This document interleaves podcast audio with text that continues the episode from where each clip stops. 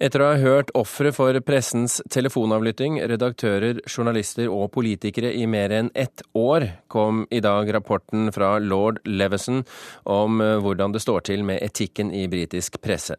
Og den står det dårlig til med, slår Leveson fast, 15 måneder etter at tabloidavisen News of the World ble lagt ned etter avlyttingsskandalen, foreslår han å opprette et nytt organ som skal behandle klager på pressen og tvister med kildene. Vi kan høre et lite klipp fra hva han sa i formiddag. The press needs to establish a new regulatory body which is truly independent of industry leaders and of government and of politicians. It must promote high standards of journalism and protect both the public interest and the rights and liberties of individuals.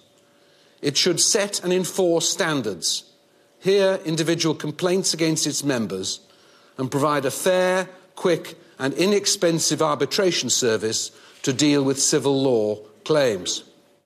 Sa lord Leveson. Gry Blekastad Almås, korrespondent i London. Hva, for, hva går dette forslaget ut på? Nei, Lord Leveson foreslår at man eh, oppretter et kontrollorgan for pressen som er eh, helt uavhengig. Der skal det ikke sitte medlem eller sittende redaktører eller sittende politikere. Der skal det være lekmenn, eh, akademikere eh, eller folk som tidligere har arbeidet for pressen. Eh, det er pressen selv som skal opprette og drive dette kontrollorganet. Men han mener at det bør en lovfestet mandat, et mandat som ligger i grunnen her, for å legitimere det dette organet skal, skal drive med. Og det er jo da annerledes enn det som Press Complaint Commission har vært til i dag i Storbritannia. Men, men hvilken makt skal dette organet ha eh, konkret? Dit skal folk som mener seg eh, behandlet galt av pressen kunne klage. og Så skal det organet se på klagen og eventuelt eh, få avisen til å trykke en eh, beklagelse, som vi er vant til å se fra Norge. Eller eventuelt også ilegge redaksjonene store, kraftige bøter som svir. Men hvorfor lovfeste et uavhengig organ? Ja, og Dette er jo det diskusjonen nå går høyt om i parlamentet. Eh, hvor statsminister David Cameron og det konservative partiet ikke ønsker en slik lovfesting. Eh, Levesons eh, begrunnelse er at man trenger det for å gi legitimitet til det arbeidet de skal, skal gjøre. Eh, for også å tvinge alle avisredaktører og eiere til å eh, føle at de må være med i dette hvis de skal kunne tas på alvor i forhold til å drive presseetisk. Opposisjonen, Labour, eh, støtter Levisons forslag fullt og helt, og ønsker å implementere det så fort som mulig. David Cameron støtter prinsippene, men er altså betydelig mer skeptisk til denne lovfestingen. Vi, vi, har jo nettopp fått inn lyd fra det David Cameron fortalte parlamentet i hva, i hva han tenker om denne rapporten, og, og vi kan ha et lite klipp til her. Now, I have some serious concerns and misgivings on this recommendation. They break down into issues of principle, practicality, and necessity. The issue of principle is that for the first time we would have crossed the Rubicon of writing elements of press regulation into the law of the land. We should, I believe, be wary of any legislation that has the potential to infringe free speech and a free press. Yeah.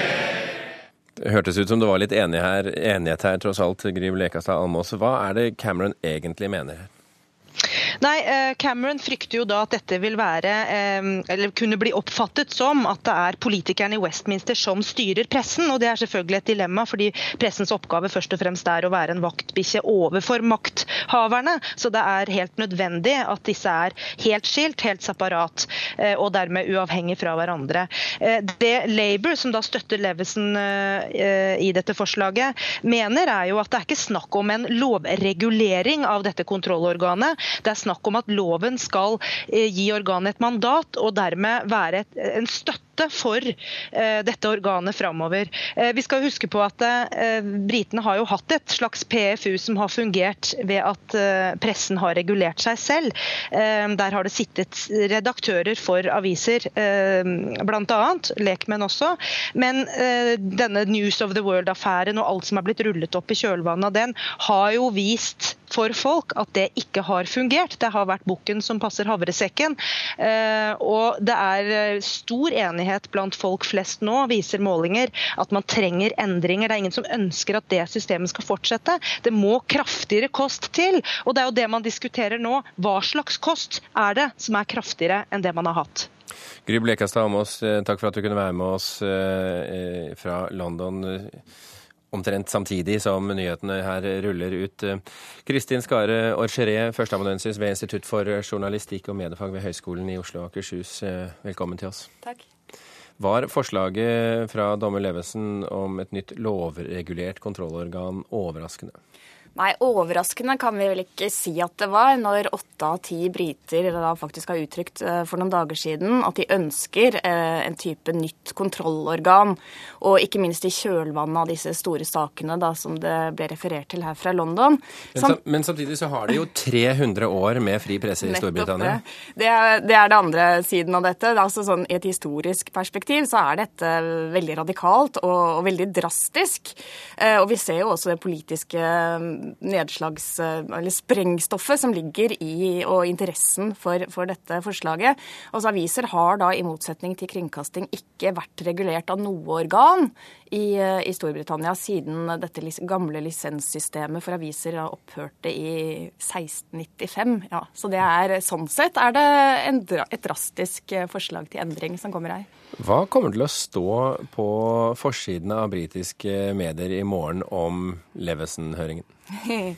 Ja, jeg tror nok at en del, i hvert fall de mer individorienterte tabloidavisene, eh, noen av dem vil nok trekke frem eh, det at denne rapporten rapporten spesielt legger vekt på de grusomme overtrampene mot navngitte personer da, som Kate og Jerry McCann, altså foreldrene til Madeleine som forsvant eh, som mystisk, og, og, all dekningen av det, hvor bl.a. morens dag, personlige dagbok ble stjålet. Eh, og, og, ikke minst denne Millie Dollar-saken, eh, hvor hele telefonavlytting eh, store, store, saken som endte med da at News of the World faktisk ble lagt ned. Ehm, rapporten trekker frem disse navngitte eksemplene og understreker um, grusomme skjebnen til disse enkeltmenneskene, som da på en måte ble sviktet av de mediene, av avisene, av pressen som skulle ivareta vanlige menneskers interesser.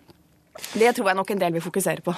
Ja, det er jo ulike meninger, hører vi, i, blant politikere. Eh, hvordan man skal forholde seg til et sånt kontrollorgan. Det kan virke på den ene siden som, det, som Labour er på den ene siden, og, og, og Cameron og de andre er på den andre siden. Men er det egentlig så stor uenighet blant politikerne? Det er uenighet blant politikerne. Men Vi ser jo også hvordan eh, lord Levison tydelig prøver å balansere her. Eh, og, og, gi og ta litt i begge retninger. Men det er jo bare noen dager siden at 86 parlamentarikere da skrev et åpent brev til The Guardian der de ba regjeringen om å gå imot statlig regulering. Nå var nok dette spesielt innenfor de mer konservative kreftene av det politiske miljøet. Og det er jo de også som nå er veldig opptatt av at man skal tenke seg godt om før man krysser Rubicon, sånn som da også David Cameron kalte det, eh, som vi hørte for litt siden. Men hvilke konsekvenser kan denne saken få for det politiske landskapet, da? Um, Nei, At den har stor politisk kraft, ble jo helt tydelig uh, da Liberaldemokratenes leder uh, og visestatsminister Nick Clegg uh, tidligere sa at han også ønsker å uttale seg uavhengig av statsministeren. Nå vet jeg ikke helt om, om han kommer til å gjøre det nå i timene som kommer, men i så fall så vil det være første gang siden denne koalisjonen ble dannet i mai for to år siden. Så sånn sett så har jo det veldig, veldig politisk dynamitt i dette. Samtidig kan vi jo si at pressen generelt eh, og mediefolk er jo veldig veldig skeptiske til noen som helst innblanding.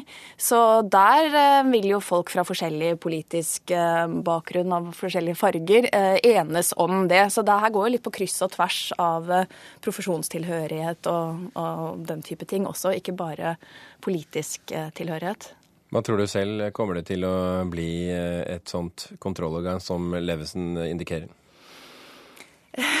Ja, som Levisen sier, nå, har, eh, nå, er ballen over i politikernes uh, leir. Um, jeg syns mye av det, slik som eh, det virker som han skisserer det, ligner jo litt på det vi selv har i Norge, som er PFU, Pressens faglige utvalg.